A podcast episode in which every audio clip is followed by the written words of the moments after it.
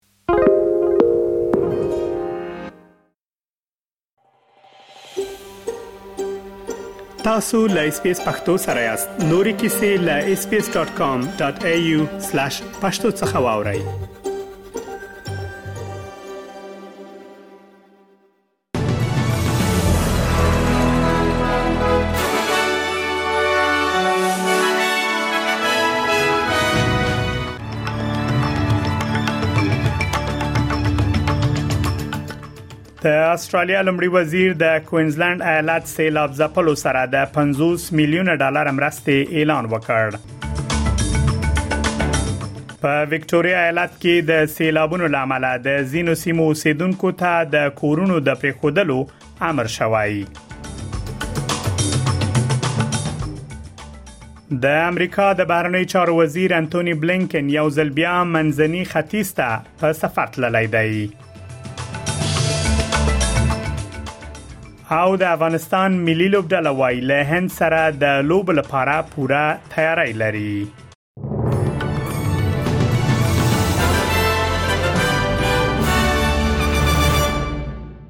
اوس هم پام وکړئ بشپړ خبرونه ته په داسې حال کې چې په وکټوريا ایالت کې د سیلابونو لامل د زینو سیمو اوسیدونکو ته د کورونو د پریخودلو امر شوی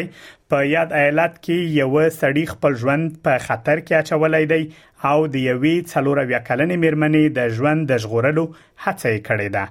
د میچ سمیت په نوم د غسړی له هغه وروسته د څلور اویا کلنې خزې د ژغورلو هڅه کړې چې موټر یې د بندیګو په نهر کې او بو وړی او خپل هم له خطر سره مخ وه څلور اویا کلنه خزه او میچ سمیت دواړه ورسته د ژغورونکو د ډلې لخوا ژغورل شوې دي خغلی سمیت د پولیسو او بیرنیو خدماتو لخوا د یو ښه شخص په توګه پیژندل شوی دی مګر هغه ای بي سي شبکې ته ویلي دي چې په دې اړه هیڅ فکر نه کوي هغه وایي یوازې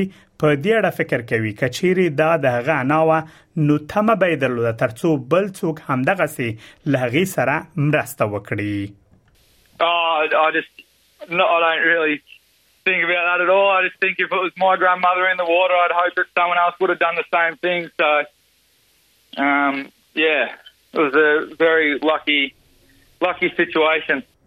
د استرالیا لمړي وزیر انټونی البنيزي اعلان کړی چې د 50 میلیون ډالر مرستې کڅوړه د هغو کسانو لپاره په لار ده چې د کوینزلند ایالت په لری شمالي او سویل ختیځو سیمو کې د ورستۍ ځنګلي هوا لامل اغیزمن شوې دي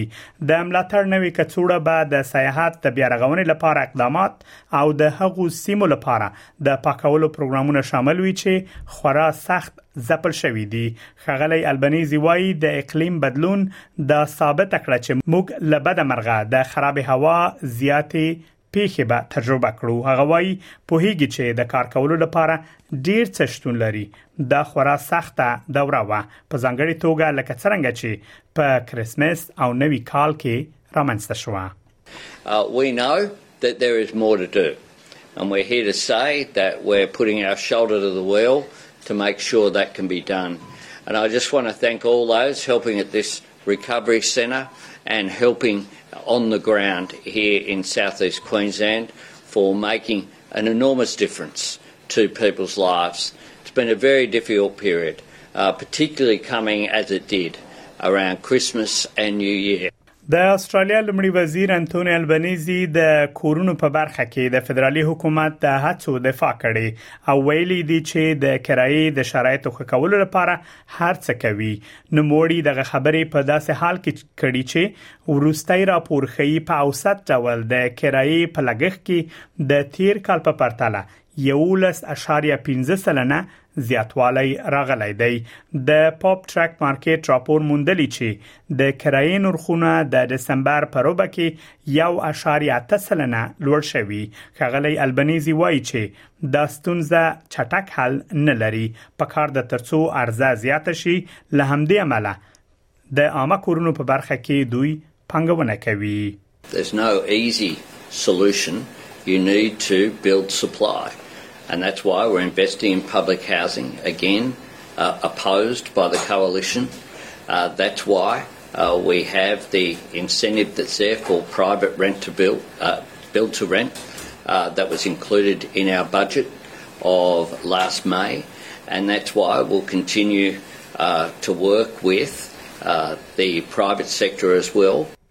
د امریکا د بهرنیو چارو وزیر انتوني بلېنکن چې یو ځل بیا منځني ختیځ ته په سفر تللی په منځني ختیځ کې مشرانو سره خبرې کړې دي او وايي چې په منځني ختیځ کې مشران په غزه کې د اسرایل او حماس ترمنځ د جګړې د پراخېدو د مخنیوي لپاره هوډمن دي نوموړي د لبنان او اسرایل ترمنځ د زیاتیدونکو کړکېچ د کمولو غوښتنه کړې ده خغلی بلنکن په سعودي عربستان کې له خبريالانو سره په خبرو کې ویلي چې د لبنان او اسرایل ترمنځ جګړه د هیڅ چا په ګټه نه ده هغه وایي اسرایلیان غواړي یو ډیپلوماټیکه لار ومومي ترڅو داسې امنیت رامنځته کړي چې اسرایلیان بیرته خپل کورونو ته ستانه شي With regard to uh, to Lebanon, it's clearly not in the interest of anyone, Israel, Lebanon, Hezbollah for that matter, uh, to see this uh, to see this escalate and to see an actual conflict. And the Israelis have been very clear with us that they want to find a diplomatic way forward, a diplomatic way forward that creates the kind of security that allows Israelis to return home. نوي معلومات ښیي چې د 2022 او 23 کلونو ترمنځ په استرالیا کې د مالی خدماتو په اړه له سل زرو څخه زیات رسمي شکایتونه شوې دي د استرالیا د مالی شکایتو ادارې څرګنده کړې چې د مصرف کوونکو او کوچنیو کاروبارونو د شکایتونو شمیر د تیر کال په پرتله درویشت سلنه زیات شوی دی د مالی شکایتونو د ادارې لوی عملیاتي رئیس جسټن انټر سټینر وایي چې د شکایتونو د شمیر خورا غیر معمولی دی هغه وایي د شکایتونو د حجم په اړه ژور اندېښنه شتون لري او تمه لري چې مالی سکتور به په دغه برخه کې لاس پکار شي We're deeply concerned by that volume, uh, and we expect the financial services sector to be doing more. See, to give you some context, in 2018, when we opened our doors, we took over from the three predecessor ombudsman schemes. Between those three ombudsman schemes, they received 50,000 complaints. So we've now received more than double uh, the predecessor schemes back in 2017. There are really a number of things driving those numbers. Number one is scam complaints. Uh, we're also seeing uh, financial hardship rise because of challenges with high interest rates, د پاکستان د جمعیت علما اسلام ګوند مشر مولانا فضل الرحمن افغانستان ته په رسمي سفر تللی دی افغانستان ته د سفر پر مهال نوموړي د طالبانو له لومړي وزیر او یو شمېر طالب مشرانو سره کتلې دي کابل ته د نوموړي د سفر په اړه یو شمېر افغانان خوښ نه دي پر ټولنیزو رسنیو یو زیات شمېر افغانانو د نوموړي د سفر پر ضد خپل نظر شریک کړی دی د سیاسي چارو کارپو فضل الرحمن اوریا وایي چې مولانا فضل الرحمن د پاکستان په داخلي او بهرني سیاست کې فعال ونډه نه لري او یوازې د پیغام وړونکي دنده پر مخ وړي مولانا فضل الرحمن د پاکستان په کورني او بهرني سیاست په جوړولو کې فعاله ونډه نه لري. مولانا فضل الرحمن په هغه سیاست کې چې د افغانستان په هکله د نظامیانو له خوا څخه جوړیږي هم ونډه نه لري. په همدې حال کې د طالبانو ویاند ذبیح الله مجاهد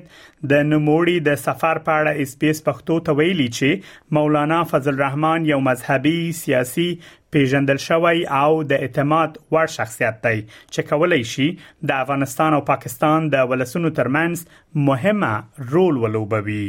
د مولانا صاحب زده ډېر مهم رول درلودل چې د پاکستاني ولس او د افغانستان د ولس ترمنځ ځکه د یو مذهبي څیره او سیاسي څیره ده او بل پیژندل شوی څیره د اعتماد وړ څیره ده نو چې افغانستان تم راسي وضعیت له دننه او نږدې نه وګوري خو پیغام ځان سره انتقالولی شي دا هم یو سپورتي خبر ټاکل شوی چې د افغانستان او هند لوبډلو ترمنځ د روانې اونۍ په وروستیو کې درې یو ورځنۍ لوبې تر سره شي درې شلوريز لوبې تر سره شي د افغانستان کرکټ بورډ وایي د کرکټ ملي لوبډلې لوبغاړي د هند موهالي ښار ته رسیدلې دي د افغانستان د شلوريز لوبو کپټان راشد خان وایي د افغانستان او هند ترمنځ لومړی یو ورځنۍ لوبه به د جنوري په 11مه نیټه پیل شي تر هغه وروسته به د جنوري په 14مه او 18مه نیټه دویمه او دریمه لوبه هم تر سره شي لکه څنګه چې تاسو معلومه ده موږ هندستان سره اول ځل درې د شلوريزي مسابقې لرو او مونږ لوبډله نن په خیر سره هندوستان ته راورسیدله، پنجاب ښار ته موهالي ته چې زمونږ به په یولسم د جنوري اوله لوبه یي هندوستان سره، دویمه لوبه هم د څوارلسم جنوري ده او دریمه هم په اوولسم د جنوري ده، نو تاسو ټول نه دا هیله ده چې خپله دعا کې مه هیروئ، انشاالله زمونږ به هدف کوچش هم دا یي چې ښه وځلیږو، لوبې وګټو او وطن ته خوشحالي راوړو. نو ان شاء الله لوبډله ټول آماده ده او په دې هیله چې یو ښه او مثبت سیریز ولرو د خیر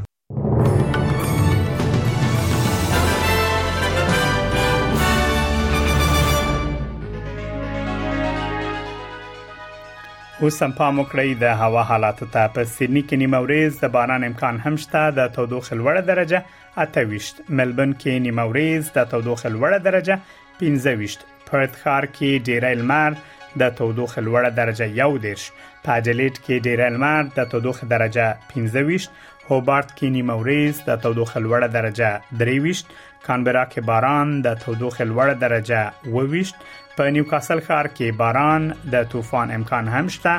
د تودوخې لوړه درجه 10 په برزبن کې باران د تودوخې لوړه درجه 10 په داروین کې باران او طوفان د تودوخې لوړه درجه 12 او له استرالیا څخه بهر په کابل کې ډیری لمر د تودوخې لوړه درجه شپږ او ټیټه منفي وه په پیښور کې هم ډیری لمر د تودوخې لوړه درجه ولس او ټیټه 15 دا هم د استرالی ډالر پر وړاندې د نور اسعارو پای د استرالیا یو ډالر وشپېته امریکایي سنټه یو استرالیي ډالر یو شپېته یورو سنټه او 250 بریټانوي پنسه د استرالیا او ډالر 1550 هندیو کلدارو او یو سلو نه اتیا پاکستانیو کلدارو سره برابرېږي او د استرالیا او ډالر و څلويخت افغانۍ کېږي خبرونه همدومره ول ملتیامو مننه کوم